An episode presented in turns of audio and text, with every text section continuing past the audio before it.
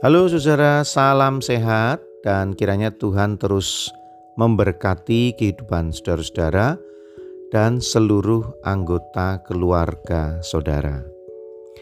Firmannya dalam Amsal 17 ayat 6 dikatakan, Mahkota orang-orang tua adalah anak cucu, dan kehormatan anak-anak ialah nenek moyang mereka. Amsal 17 ayat 6 Saudara, regenerasi mempersiapkan generasi penerus adalah tanggung jawab kita semua. Ini sebuah kesadaran paling mendasar dari setiap kehidupan orang berhikmat karena dia menyadari bahwa kehidupannya terbatas. Suatu ketika dia akan berakhir dengan kematian. Dan pada saat itu terjadi, maka orang yang masih hiduplah akan meneruskan kehidupannya. Nah, artinya kalau kita menyadari terbatas dan akan berakhir, mau tidak mau, penerus itu harus dipersiapkan agar apa yang sudah baik, agar apa yang sudah luar biasa kita kerjakan, ada yang meneruskannya. Tapi ini betul-betul tidak mudah nih karena sering kali kita keberatan. Ada orang yang akan meneruskan kehidupan ini. Ada orang yang akan melanjutkan karya, karir, ya atau kalau kita sebut kerajaan kita.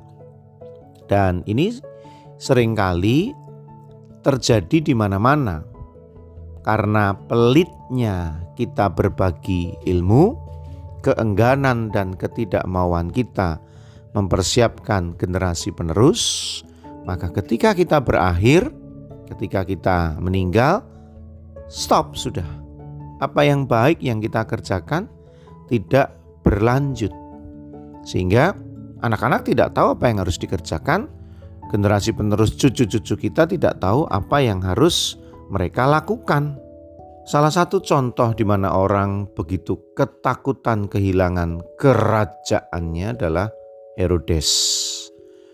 Herodes kita kenal dalam sejarah di luar Alkitab sosok yang sangat sangat ketakutan kehilangan kegagahan kemuliaan singgah sana jabatannya.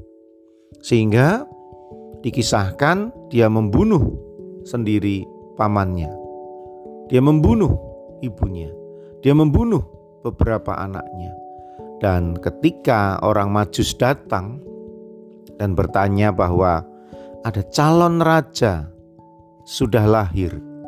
Calon raja sudah lahir Herodes langsung kalap.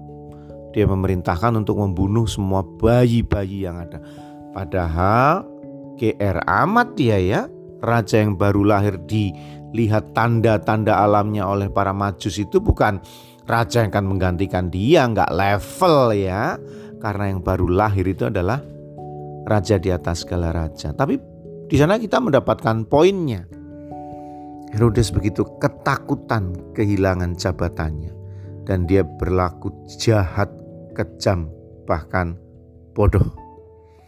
Bagaimana dengan kita? Mari kita melihat generasi penerus kita sebagai potensi yang harus dipersiapkan untuk menggantikan kehidupan kita. Menggantikan dan mengembangkannya menjadi lebih baik mulai mempercayakan bahwa tongkat estafet yang kita pegang ini harus diserahkan di waktu yang tepat. Saya perhatikan para pelari estafet itu. Luar biasa teknik yang mereka miliki untuk menyerahkan tongkatnya agar speed atau kecepatan larinya tidak perlu berkurang, ber, pasti berkurang, tapi tidak perlu berkurang sedemikian uh, banyak tapi si penerima tongkat estafet bisa mengejarnya kembali, meningkatkan speednya kembali untuk melaju dengan cepat. Sekali lagi, reduksi itu nggak bisa dihindari. bahwa hebatnya kakek, luar biasanya ayah, belum tentu supernya anak dan cucu. Tetapi supernya anak dan cucu punya zamannya sendiri, punya waktunya sendiri karena segala sesuatu ada waktunya. Tapi kalau kita sebagai generasi tua tidak pernah percaya bahwa generasi muda akan melanjutkan segala sesuatu yang baik sudah kita lakukan dan membuatnya lebih baik lagi dengan caranya, dengan jalannya, dengan zamannya, maka regenerasi tidak akan pernah berlanjut. Dan apa yang firmannya katakan tidak akan pernah terjadi. Sebab firmannya mengatakan mahkota orang-orang tua adalah anak cucu.